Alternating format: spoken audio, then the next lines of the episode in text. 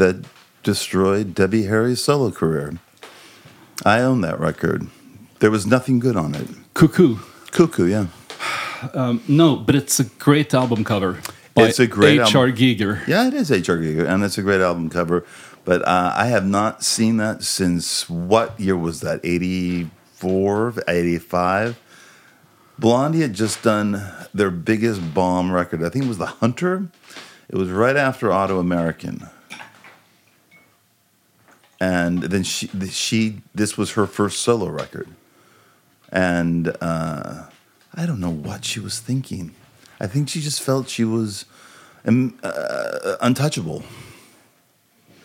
And uh, it just, yeah, they were never the same. Anyway, I'm Bret Easton Ellis, and I'm in Fredrik Strage's apartment, and I'm the author of The Shards, uh, which has just recently been published here in Stockholm. And um, I have no idea what I'm here for. You're actually here.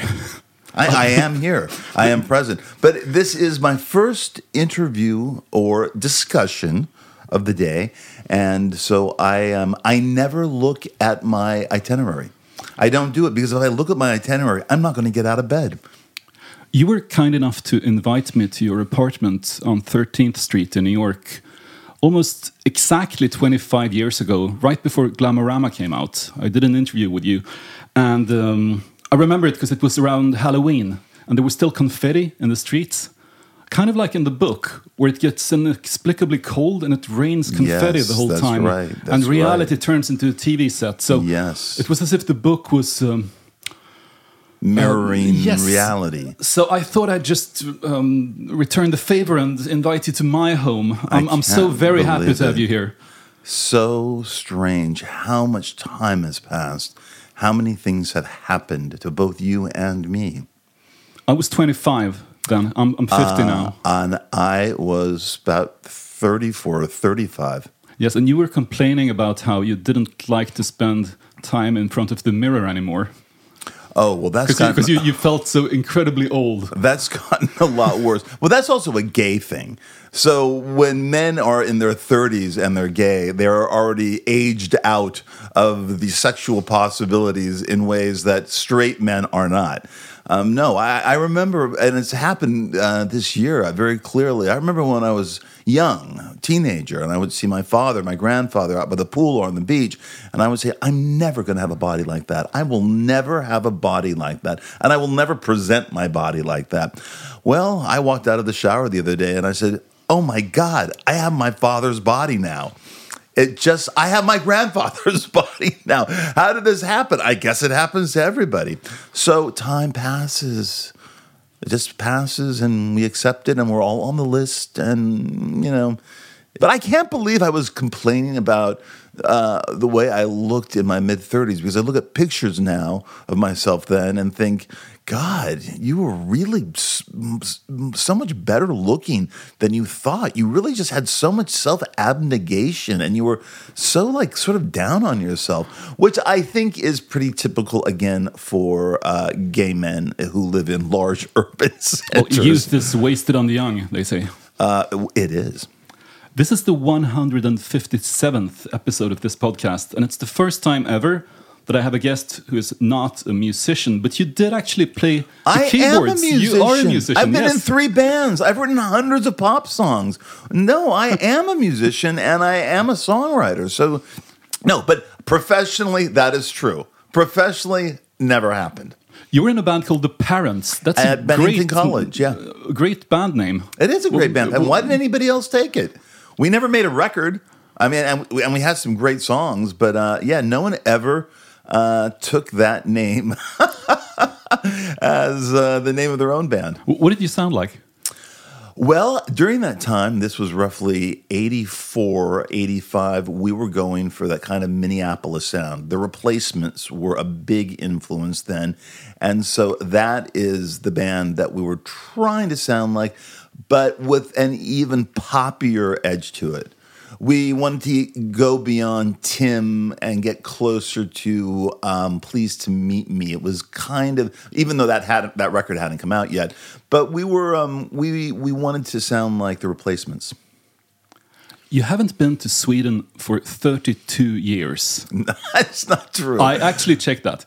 2005, no? We're, if you were here in 2005 and I, I missed it, you know, I would have committed suicide. So I, I don't think you were here. So so it was not, I was here for You- you- Glamorama. yes, I was, definitely. No way. I was You- here you when were the Nobel me- Prize was given out. I was at the Nobel Prize ceremonies for literature in either 05 or or Really? 2000. Yeah, 99. How could I have missed that? That's insane. yeah, no, I was here. Um, I I thought about that when I reread um, Lunar Park, where the Bret Ellis in the book mentions that he bought a Suzuki motorbike with, and I quote, unexpected Swedish royalties. Do you remember why he wrote that, that those royalties were unexpected? Uh, because royalties often are. Oh. Book royalties are often unexpected. Sometimes you are surprised that you actually even get royalties because most of the time you don't. Most books don't earn out their advances. I know your listeners probably don't want to go into the business part of publishing, but you're given an advance, you have to earn the advance back, and then you get royalties. And 90, percent of books don't earn their advances back. So royalties are rare.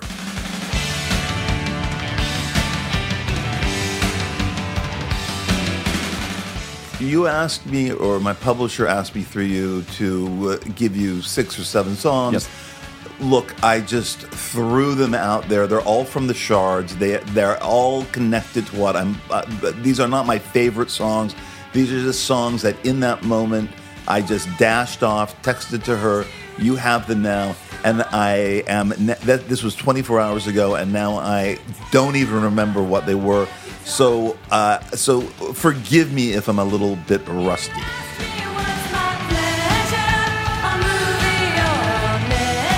This is Dreaming by Blondie, and it really is the final moment of the Shards.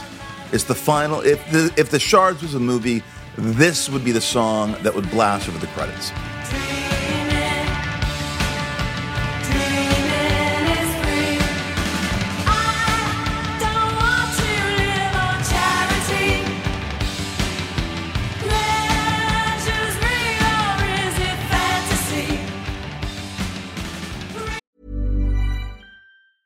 In the market for investment worthy bags, watches, and fine jewelry, Rebag is the answer.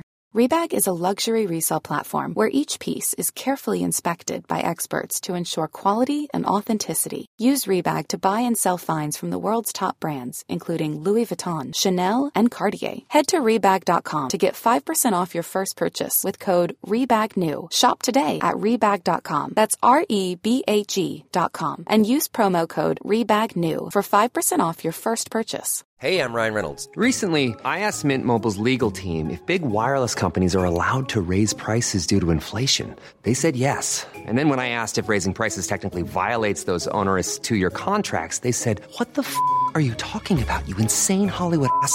F- So to recap, we're cutting the price of Mint Unlimited from $30 a month to just $15 a month. Give it a try at mintmobile.com slash switch. $45 upfront for three months plus taxes and fees. Promo for new customers for limited time. Unlimited more than 40 gigabytes per month. Slows. Full terms at mintmobile.com.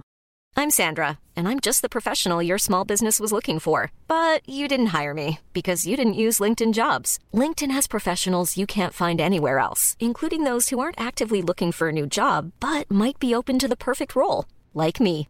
In a given month, over 70% of LinkedIn users don't visit other leading job sites. So if you're not looking on LinkedIn, you'll miss out on great candidates like Sandra. Start hiring professionals like a professional. Post your free job on linkedin.com/people today. The Shards is set in 1981, which was an excellent year in music. You know, if I had to pick one single year, Oh my I god! only listen to that year for the rest of my life. Yeah. 1981 would be probably my, my choice. I I agree. I agree. 1981, uh, more than 82. Uh, I'm also a 70s guy, so I think 78 was pretty good. But um, but I would agree with you. 81 was the pivotal music year for me. The the year that music mattered the most. For some reason, I also really like 1971 with T Rex and Hunky Dory by Bowie, and also 1991 and even 2001. There's something about the ones. Well, no, there's also something about 1979 as well, which is when uh, Dreaming was released off Eat to the Beat. Uh, but 1979 had some amazing records. It had Fear of Music by Talking Heads, it had Tusk by Fleetwood Mac. Um, there, it had um, Armed Forces by Elvis Costello. I mean, there were, it, 1979 was also a great year.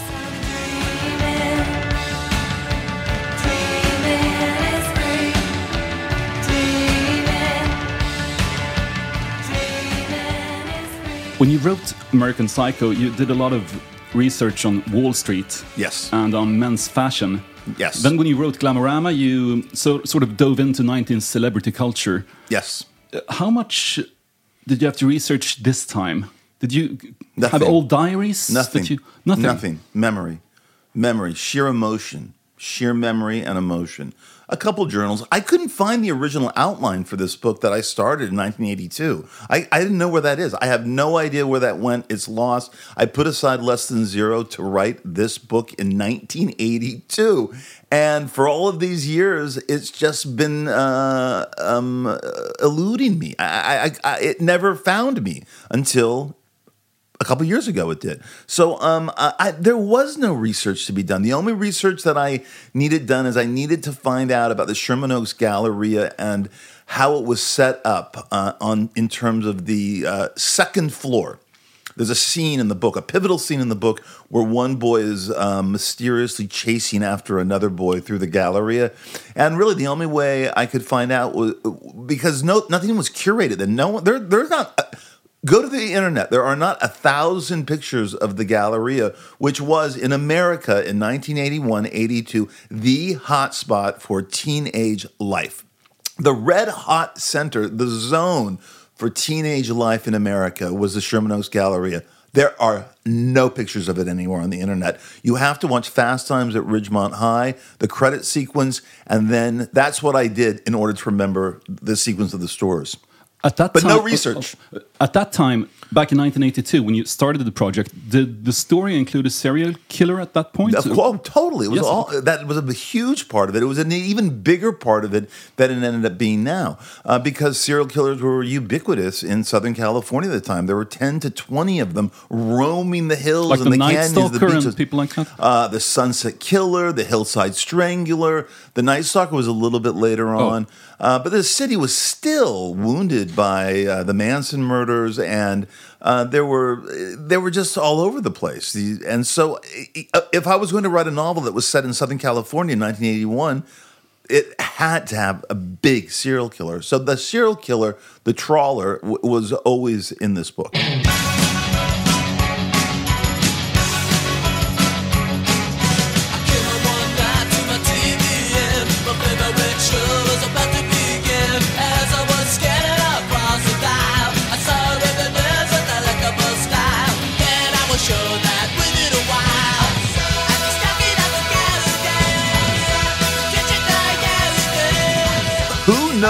Dickies? The Dickies, I'm stuck in a Toyota with Trisha Toyota. I'm stuck in a pagoda. No, I'm stuck in a Toyota with Trisha Toyota. That's the name of the song. Who, said- who was Trisha Toyota? Trisha Toyota was an Asian um, newscaster who was very pretty, who was very big in LA on NBC Channel 4 uh, nighttime news. And a lot of guys had crushes on her. She was very exotic and she had this very kind of unusually uh, pretty um, oriental. Uh, uh, otherworldliness. And so the Dickies wrote a song about her, and this is really I, I was I, I was a fan of the Dickies because I had a crush on one of the its members. They never had a song this good, and none of their other records sound as pop as this. I, I thought a pagoda was a car at first, but it turns out that it's one of those Asian temple. tower, a temple. Temple, yes. yeah. it's a-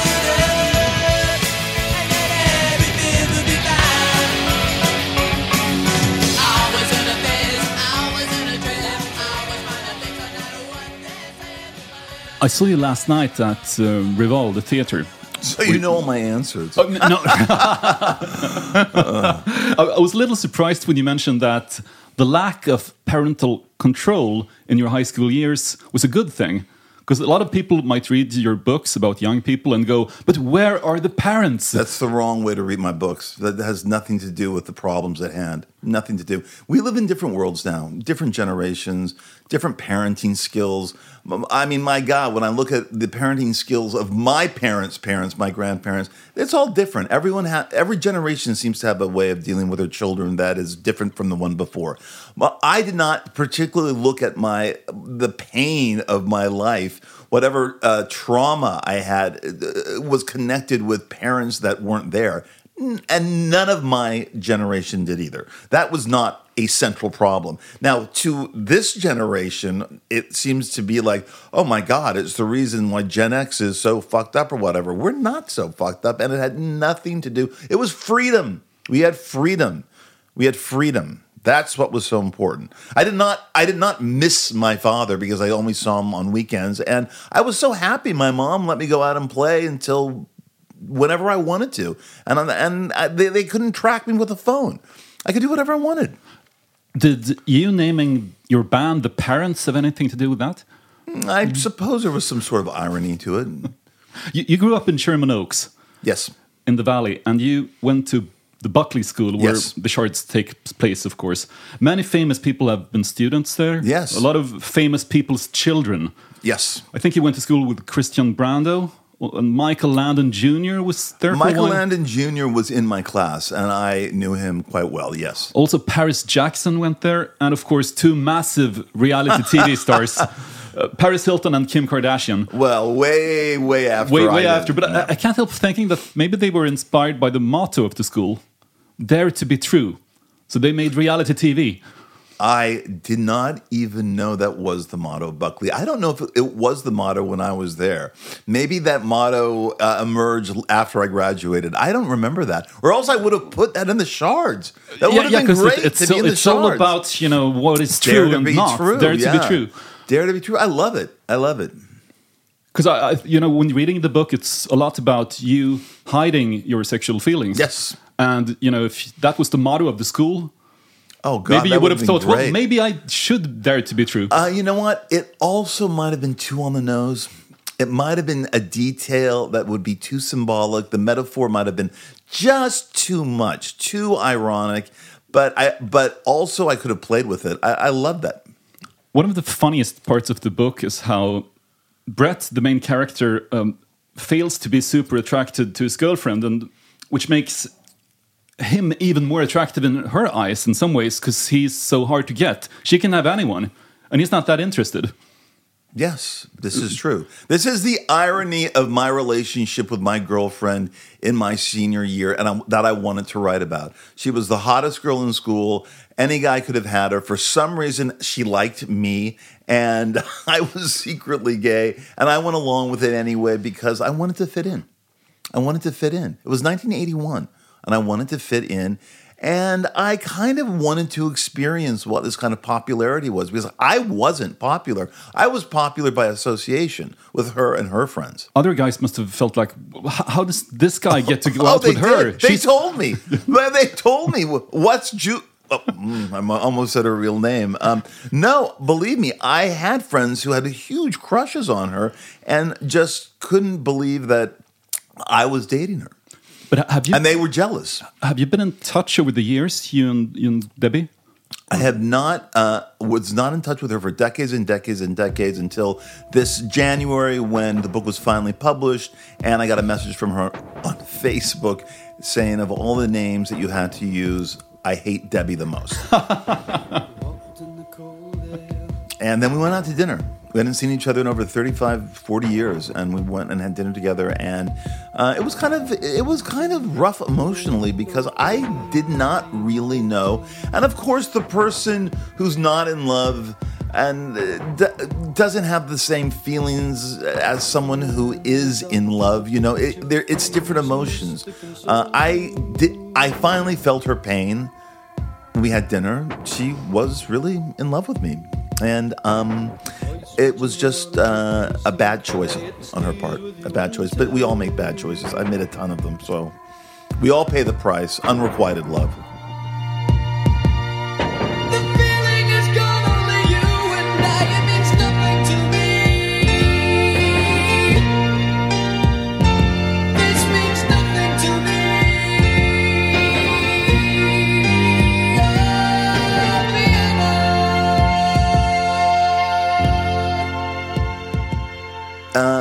The next song is Vienna by Ultravox. It plays a huge part in the book. I think it was the only song that I had to pay the rights for. And if the book sold a certain amount of copies, and I had to pay even more rights for. But it, it was worth it. Um, it was a song that was very popular when we were in high school, and it was and it was an odd song to be such a big song because it was long, five minutes. It was very slow. It was uh, very very minimal. Um, it it didn't sound like anything else from 1980 and um, I don't know, there was something about it. It had this sort of kind of soaring, minimal romanticism that we all connected to. And also, there was an abstraction about it. You could put anything you want, any feelings you wanted onto that song because, like the best pop songs, it's an abstraction. It can mean anything to anybody. And the chorus echoes through the book. It, means, it means nothing to me. Which, of course, is not true at all because that's ironic because it means everything to him. It means everything to him, so he uses it ironically throughout the book.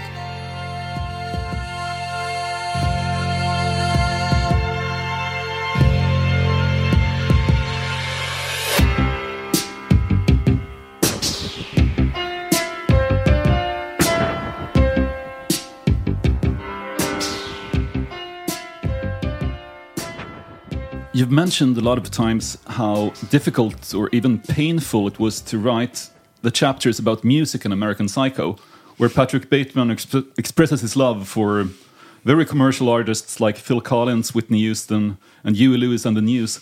The music in the Shards seems to be closer to your own taste. W was that a relief or? Um, look, I love writing. American Psycho was a blast to write. It was really, really fun. I laughed my ass off for three years writing about Patrick Bateman, and I was a little frightened by how um, uh, dangerous the book got. Um, it, but there was a month where I wrote about the, where I wrote those music chapters: Phil Collins, Whitney Houston, Huey Lewis, and the News. That was a pain in the ass. That was purely technical. It had to be there. I wanted those three reviews there, but that was the only time in my life where I found writing not to be fun. Um, and that was not my musical taste. My musical taste in 1987, 88 was the replacements and bands like that. Um, so it was um, a tough thing to attempt. Now, it is true, I have written books with a lot of music in it. There's a lot of music in Less Than Zero that I liked. There's a lot of music in The Rules of Attraction, which is mid 80s. Uh, and there's a that has a great soundtrack. So does Glamorama, but you are correct. This is the closest I've ever come to being so autobiographical, writing about myself in so many ways in this this novel, uh, and really referencing the songs that were playing. In some of these scenes that really happened, that song was playing. And I remember it so well. You're at that age when you're so porous porous and open to experience and music, and I listen to everything. I can tell you with a certainty that is completely unwavering what song was playing, what day, what scene, what party. Uh, before what movie? I it, it's just burned into my senses. When American Psycho came out, I was sort of an industrial goth, and I I laughed so hard at those chapters about Phil Collins and Whitney Houston. And then as I grew older, I kind of warmed up to a few of those artists. I even danced to Genesis Invisible Touch at a party last year. Uh, well, uh, not only I've warmed up to some Genesis, um, I've warmed up to some solo Phil Collins, which really surprises me. I love that song that he won the Oscar for from Tarzan. Um, what's it called? You'll be inside of You'll me. You'll be in my they, heart. You'll be in my heart. I think, You'll uh, be yeah. They, they, made fun of it on South Park, where it was "You'll be inside of me" or something. It is fantastic. It is fantastic. It is Phil Collins' towering moment. I would never have thought that he'd been in a band with Peter Gabriel, but there you go. Looking out a dirty old window, down below the cars in the city go rushing by. I sit here alone and I wonder why. Friday night and everyone's. I can feel the heat, but it's soothing heading down. I search for the beat in this steady. Oh, uh, Kids in America by Kim Wilde is the next song, and it plays also a pivotal role in the shards there's a scene where Bret is watching the video of Kids in America, and he locates in it this numbness, this numbness he's searching for from Kim Wilde's blank face while she's singing this anthem, this soaring anthem, but her face is deadened doesn't really move. She's not smiling. She's not like wide eyed at the soaring chorus. She's just staring there, dead eyed. And it was so powerful to me. It was so, it was, it was what I was searching for the moment.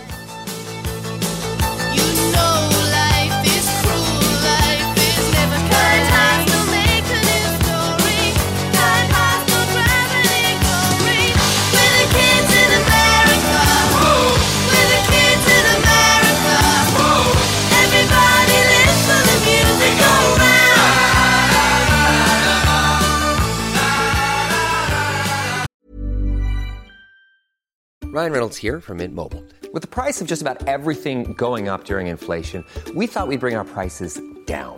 So to help us, we brought in a reverse auctioneer, which is apparently a thing. Mint Mobile unlimited premium wireless. Have to get 30, 30, bit to get 30, bit to get 20, 20, 20, bit to get 20, 20, bit to get 15, 15, 15, 15 just 15 bucks a month. So, Give it a try at mintmobile.com slash switch. $45 upfront for three months plus taxes and fees. Promo rate for new customers for limited time. Unlimited more than 40 gigabytes per month. Slows. Full terms at mintmobile.com.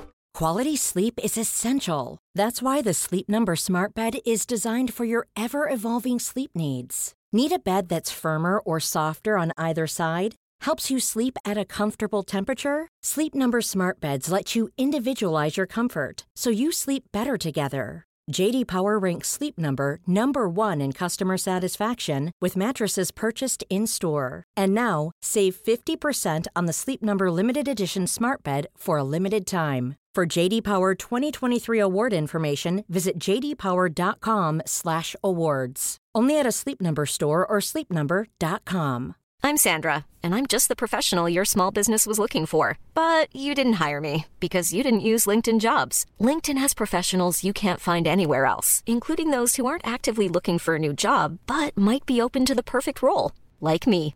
In a given month, over 70% of LinkedIn users don't visit other leading job sites. So if you're not looking on LinkedIn, you'll miss out on great candidates like Sandra. Start hiring professionals like a professional. Post your free job on linkedin.com/people today. Bret in the book watches this video in a nightclub because MTV hasn't started yet, right? Yeah, it wasn't even a nightclub. It was just a space, a warehouse space on a deserted part of Melrose uh, in Hollywood, which had not been gentrified yet.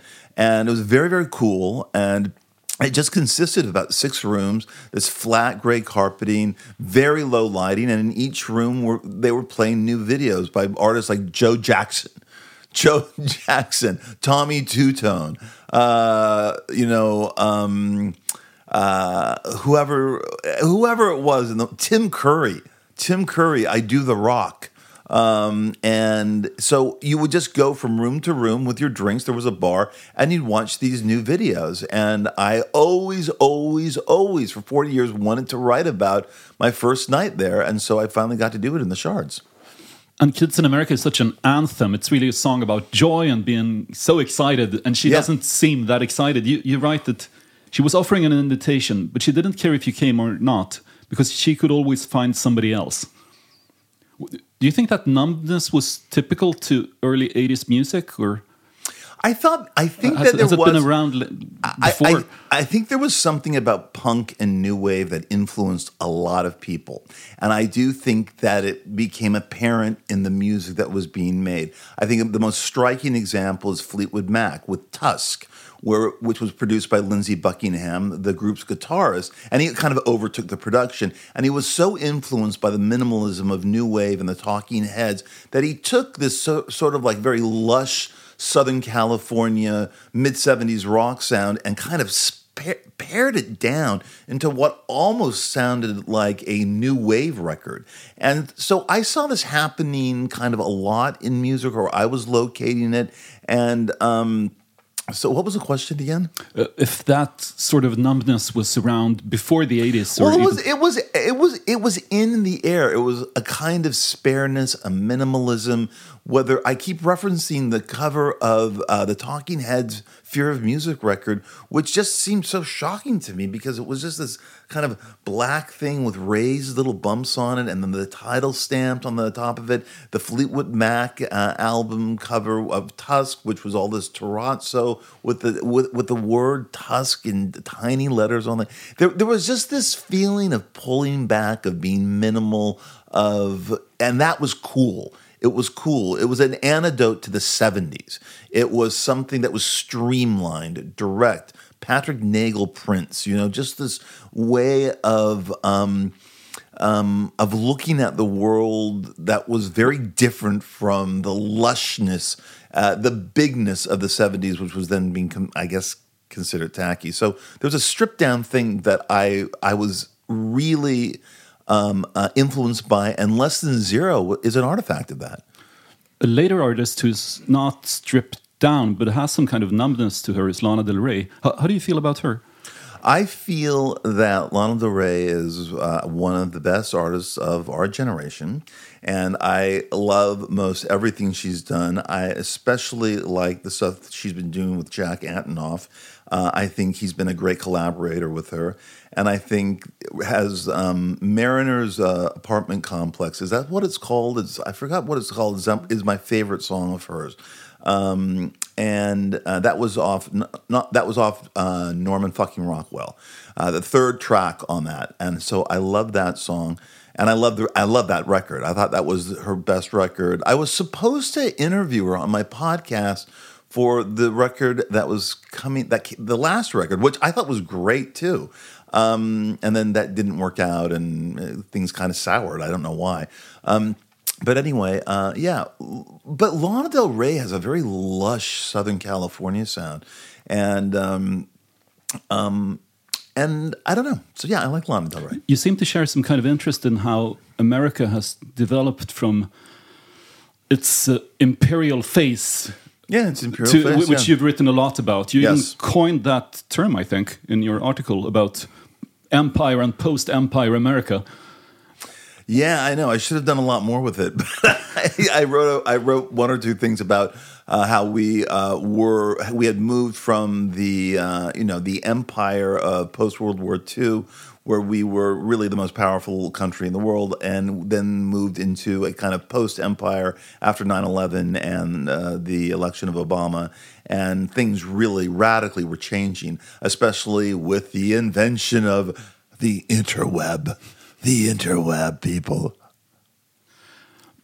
Like Lana Del Rey, you've also been attacked by feminists, and you, you both share some kind of interest in the loss of innocence. I, I- have this conspiracy theory that I can't let go of. Lana Del Rey was born in June 1985, the month that Less Than Zero was released. And I, I, I can't help myself thinking that maybe you went to a party in late 1984 and kind of went home with an account manager from an ad, ad agency in New York. And then And I'm Lana nine months later, father. she yes, but her mother never told you. I can assure you that did not happen. Okay, I'll just. I can assure you. I'd love to. I'd love to take credit for being Lana Del Rey's father, but I can assure you, in 1985, that did not happen. I did not go home with anybody from that party. Okay, I'll just drop that theory.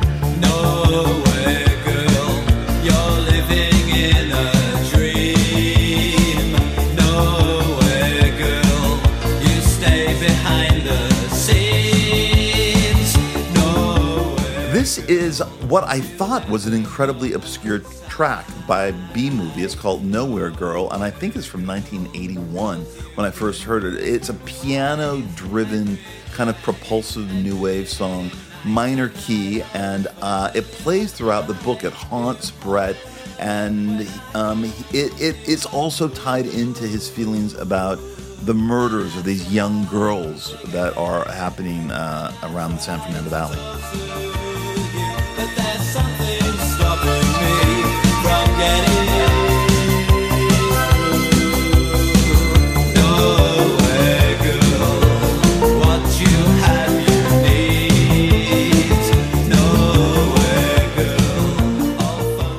I only know of B Movie because they were on a compilation called Some Bizzare, which was the record where Depeche Mode had their very first song released, officially called Photographic.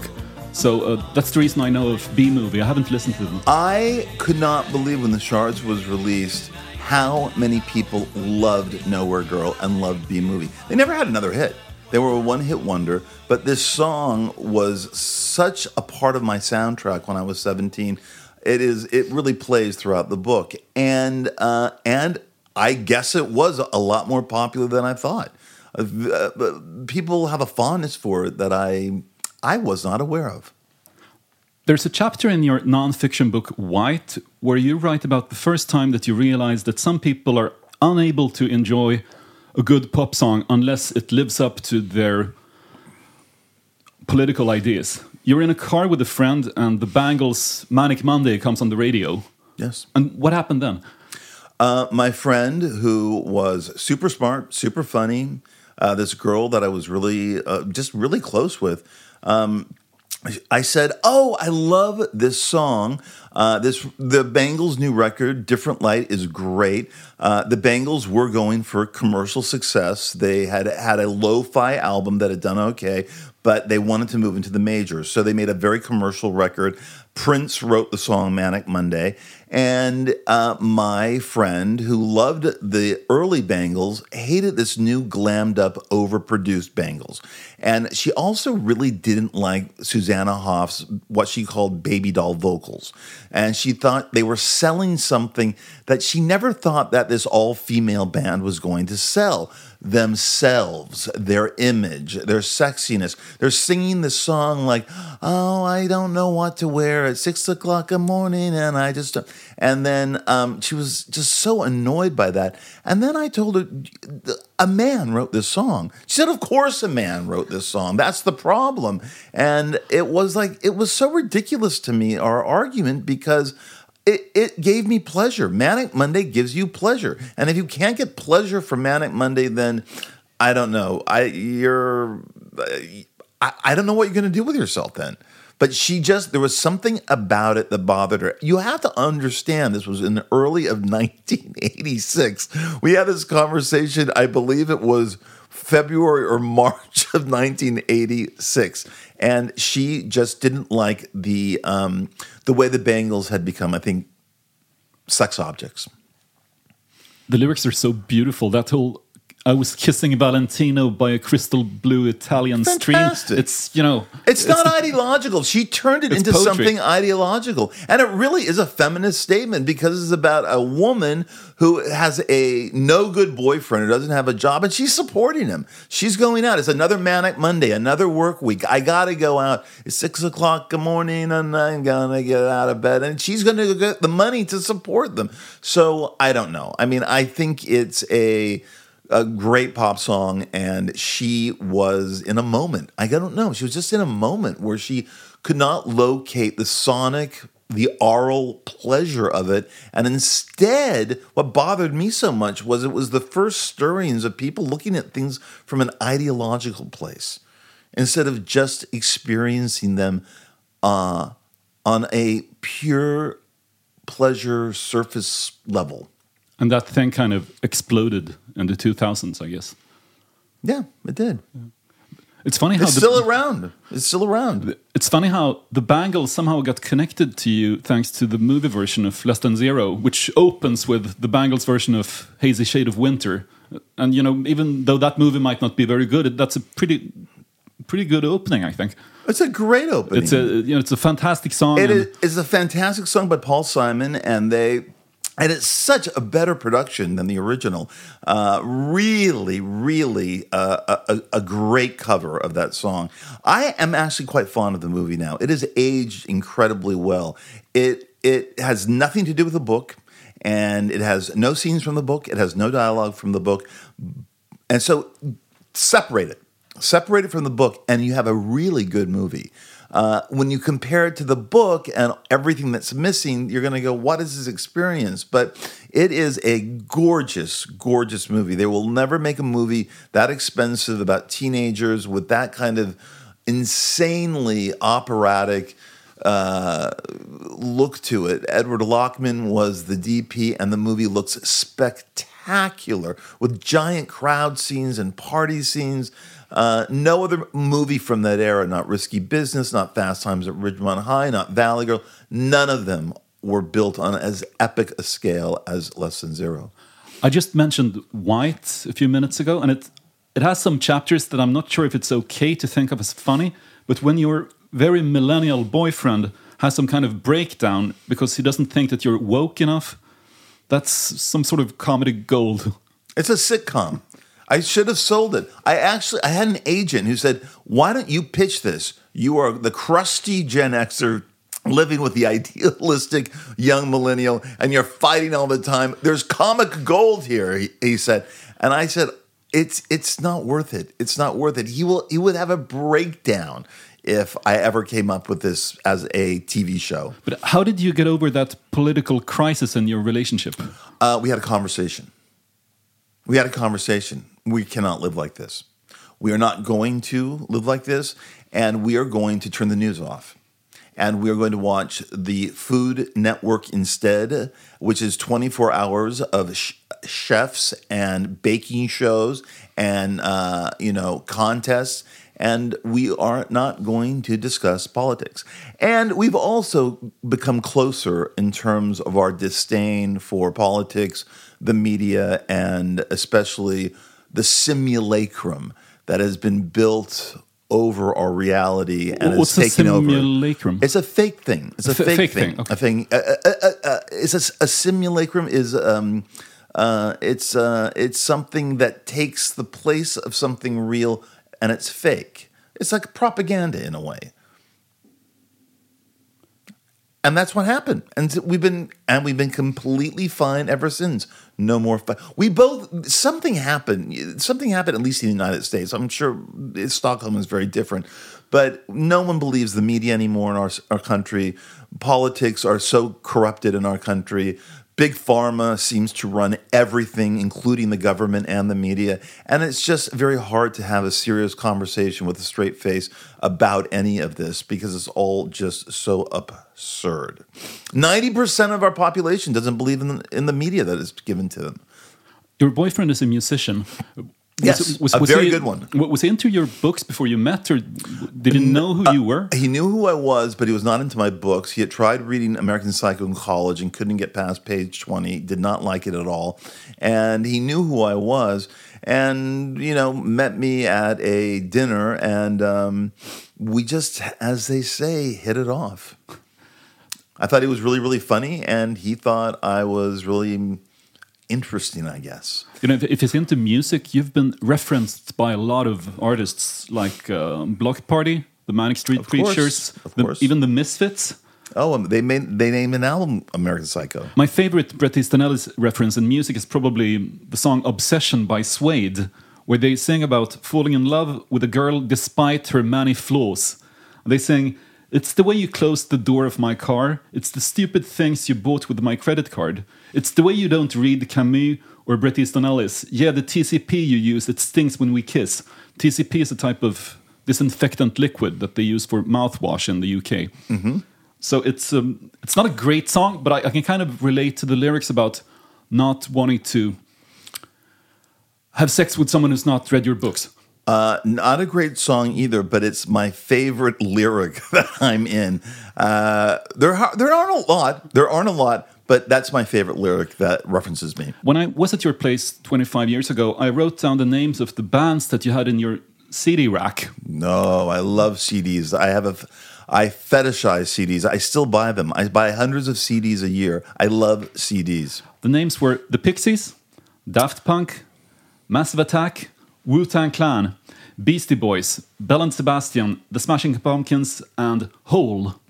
I think that was before Celebrity Skin came out, which is one of your favorite records. Um, Whoa, that takes me back. Tho- so those were the CDs that you noticed. Um, the ones you were playing, because you, you assured me that you had a lot of vinyl stored somewhere. Oh, I did have a lot Yes. of vinyl stored somewhere. but I was, uh, and I had a, this insanely expensive turntable that I bought uh, that I that I did play the vinyl on. Um, but yeah, yeah, but that goes to show you how eclectic my tastes were. I was listening to everything. I just was, uh, well, I was a musician. So I was into music and all kinds of music. Uh, the Pixies haunt me. The Pixies haunt me. Someone told me recently if um, who's the lead singer of the Pixies? Francis Black. Francis Black. Someone said if Francis Black looked like Kurt Cobain, the Pixies would have been bigger than Nirvana. I think Kurt Cobain would, would be the first to agree with that because they were his huge heroes, you know. I'm talking about looks. and how, okay, how, well, yeah. how important it is for a front man to have a look. And it was because I really do think the Pixies were, in many ways, a better band than Nirvana. Well, they were, and they you- were you know- you know, just if- simply if, were. If Nirvana had kept going, just releasing, you know, less interesting albums Yeah. on through the nineties Yeah. and two thousands, they would not have the same kind of iconized status that they have now. No, I agree. And it was just so interesting when my friend said that. Well, you know that if uh, you know uh, Kurt Cobain uh, was frontman for the Pixies, they would have been a huge band. And I was like, oh my god, he's right. They're probably right. It, how important that is to have that kind of look as a frontman, even now, still. Speaking of Kurt Cobain, Courtney Love was born in the same year as you, 1964. And she, I remember she wrote somewhere, an interview magazine, where, when they asked celebrities to ask you questions. Yes. She mentioned that she almost started going to Bennington College back in 1982 because of some probation officer I guess so. who could get her into that. So she asked you if you would have wanted to be in a band with her. And The you, of parents. course, yes, you said yes. So I, I would have wanted her to be the lead singer of the parents. We did not have. We had like three. We were like Fleetwood Mac. We had like three singers. We had a girl and we had two guys, depending on the song. And I would have wanted her, of course, to have sung all of them. Um, and anyway, so yes, I told her that. And uh, and, and I, I've met Courtney a few times and I've hung out with her. She was dating for a long time, a very close friend of mine. So that's how I got to know her. About oh god, this must be eight nine years ago. Do you still play music from time Yeah, to time? Yeah, you know, I don't. We just got a piano in my apartment, a small piano, because my boyfriend's a musician and he has all these instruments. He has his guitar and his his piano and all this stuff. And um, I have not played in years, and I miss it. I think if I had a bigger house, we live in a condo that's about twelve to fourteen hundred square feet. It's not very big. Um, it's a nice condo, but it's not very big. And uh, I think if I lived in a house, I would definitely have like a baby grand piano because I did enjoy playing it so much.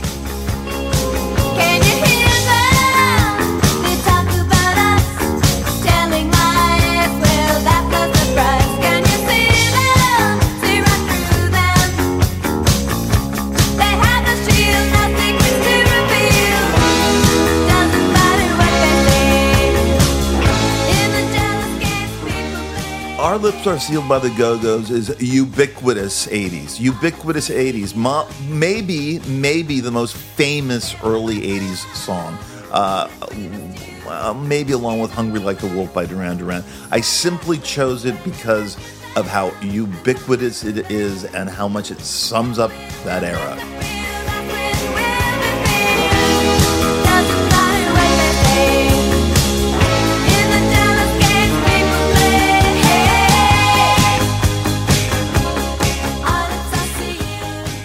I And love, it's so good. I love her voice, Belinda Carlisle. So good. I have some questions from my listeners, and not just any listeners, but the brave souls who support this podcast through Patreon. The first question is from Martin Parson. Did you get any reactions from the artists that Patrick Bateman listens to in American Psycho, and how did they feel about the book? Um, uh, no, I never heard from anybody. Uh, the only time that anything happened that was strange is I was booked on an Italian TV show uh, in uh, 2010 uh, for Imperial Bedrooms, that novel.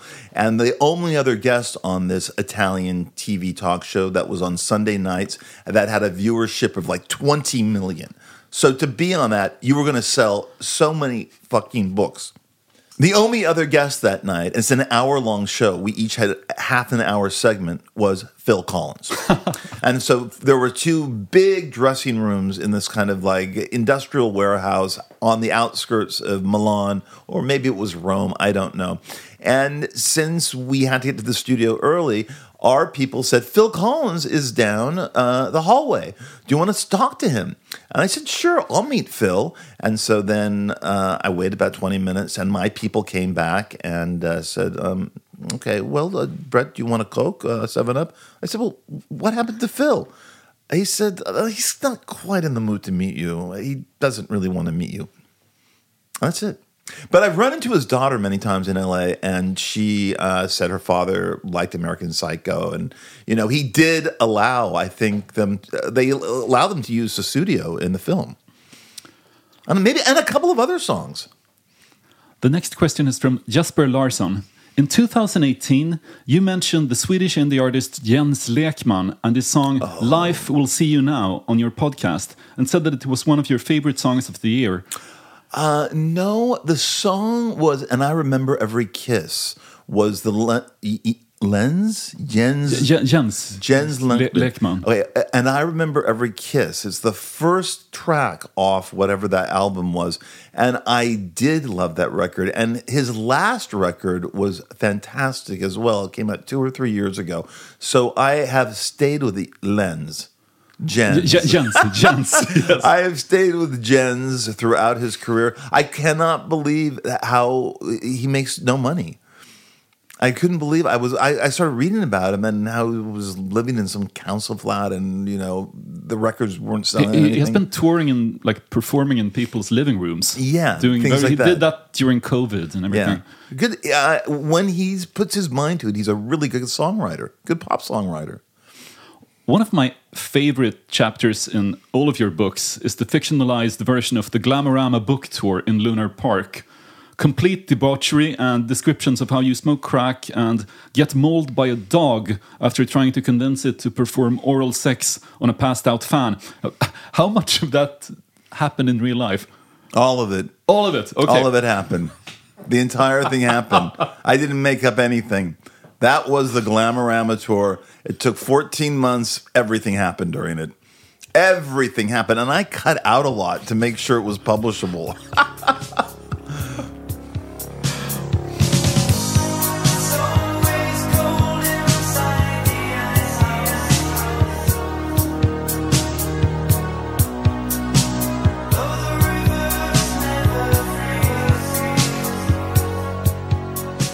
One of the most important uh, songs for me during these years was Icehouse by a band called Icehouse.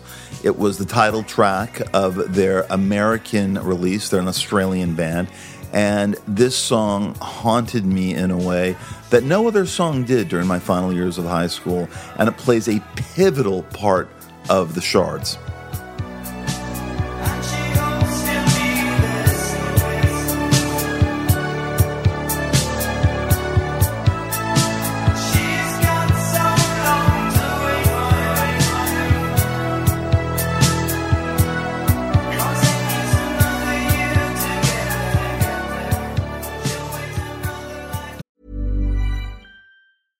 Selling a little or a lot?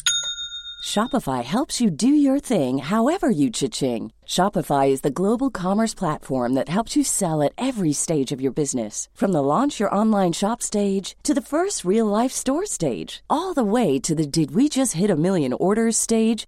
Shopify is there to help you grow. Shopify helps you turn browsers into buyers with the internet's best converting checkout. 36% better on average compared to other leading commerce platforms because businesses that grow grow with Shopify. Get a $1 per month trial period at shopify.com/work. shopify.com/work.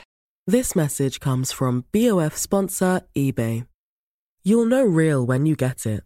It'll say eBay Authenticity Guarantee. And you'll feel it.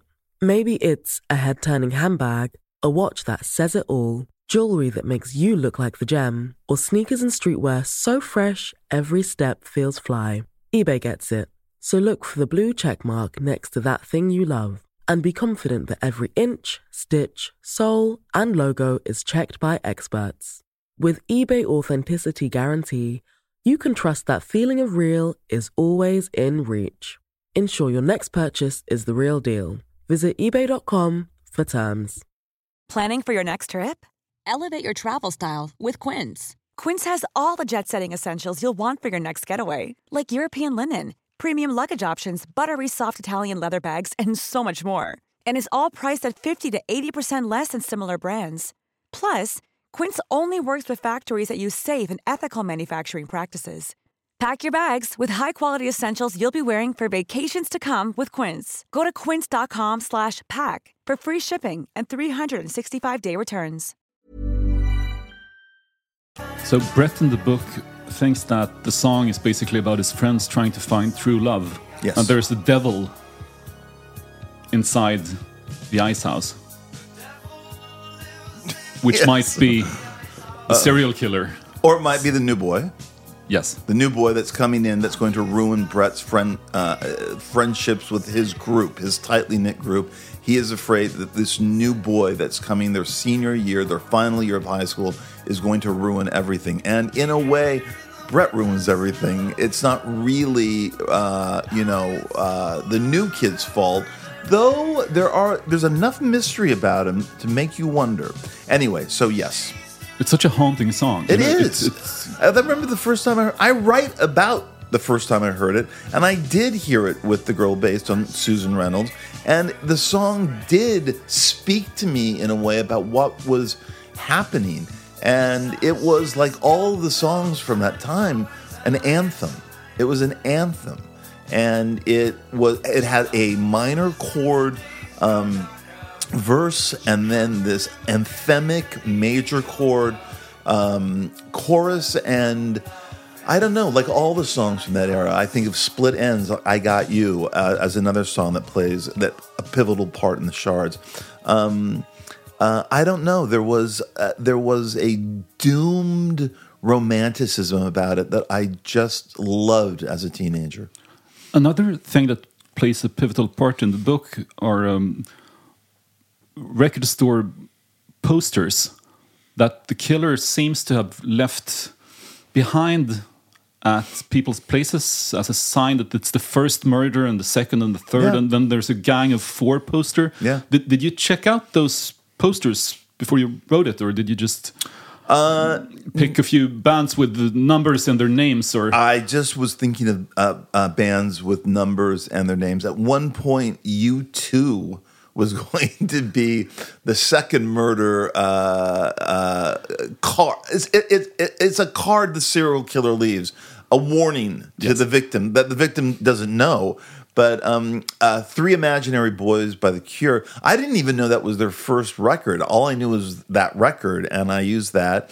And uh, uh, second edition by Public Image Limited, I used for the second murder. Foreigner 4 was one, and um, I, there were various other ones that were used. U2 have played an interesting role in a few of your books because Patrick Bateman gets an erection when he sees Bono for some reason. He doesn't like the music, but he, he's attracted to him. Just like me.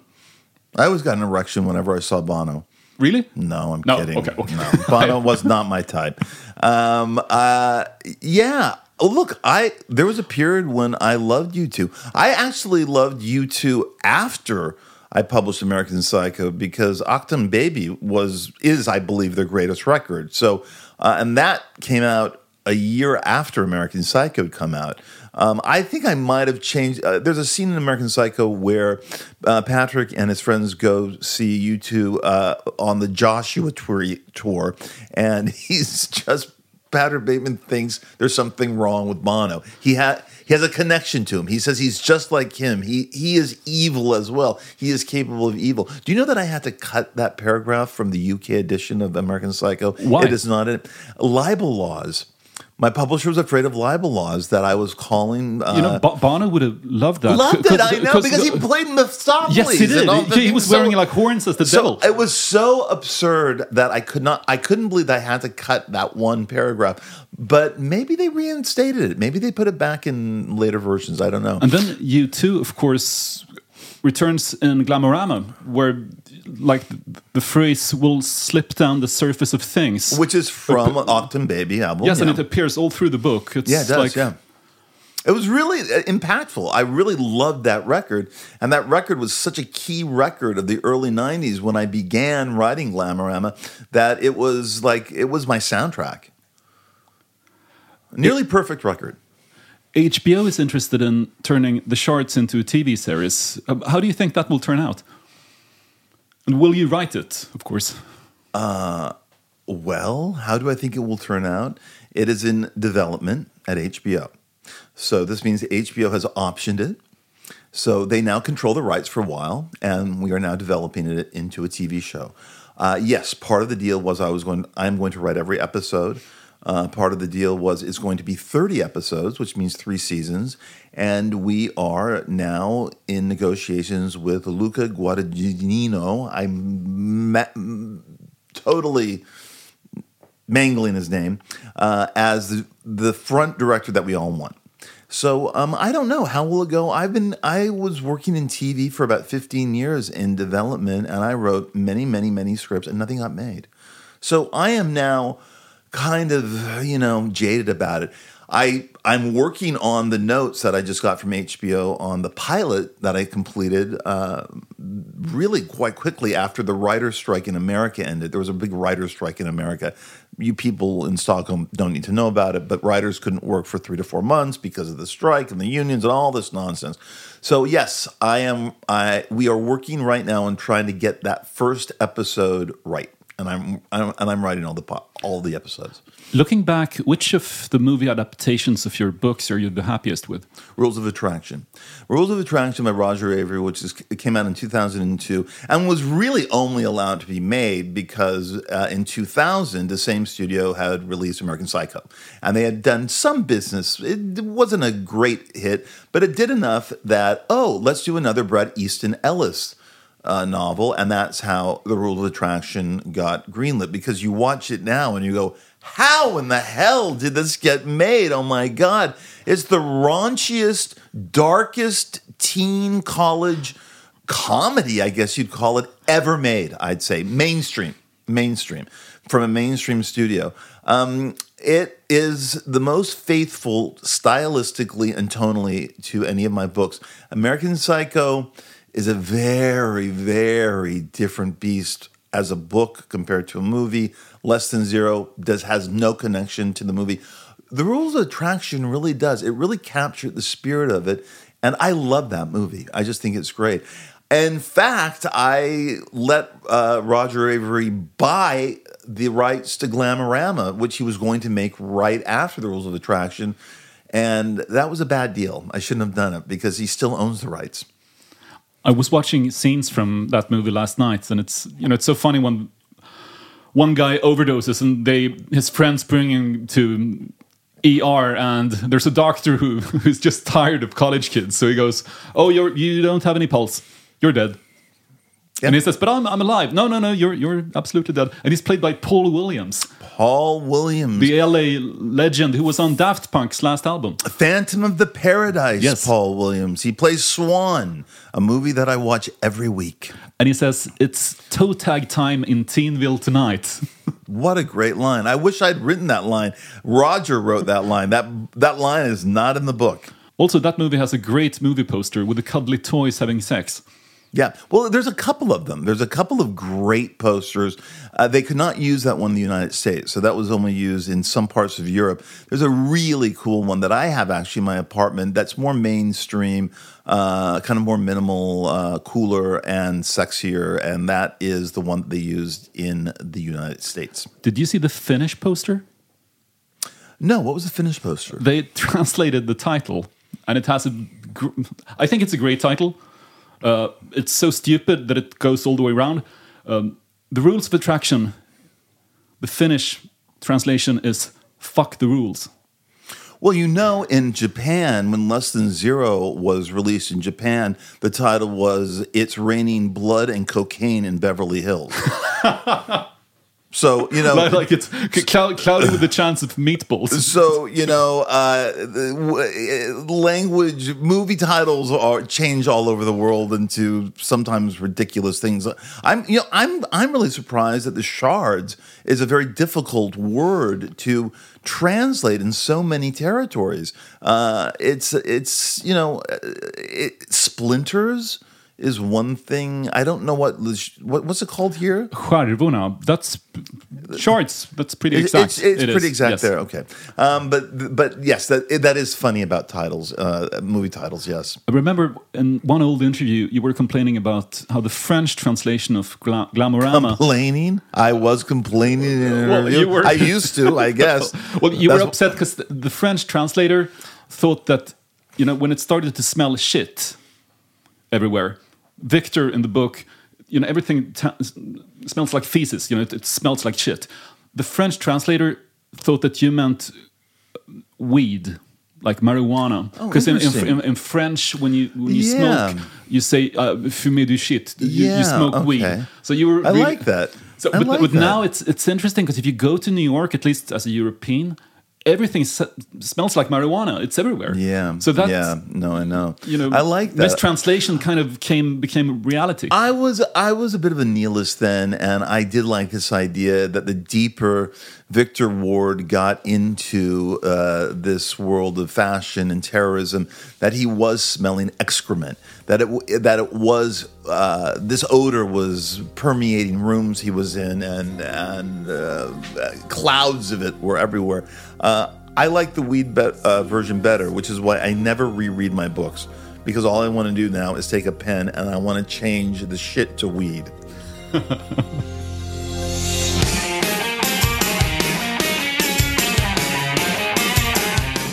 Well, Fredrik, thank you for having me. Uh, this is a busy day.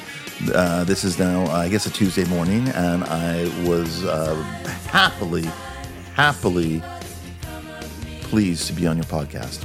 I'm so happy that I'm about to explode. So let's just stop right now. Thank you, Bret. Thank you. I was so hard to please. Look around, leaves are brown, and the sky is a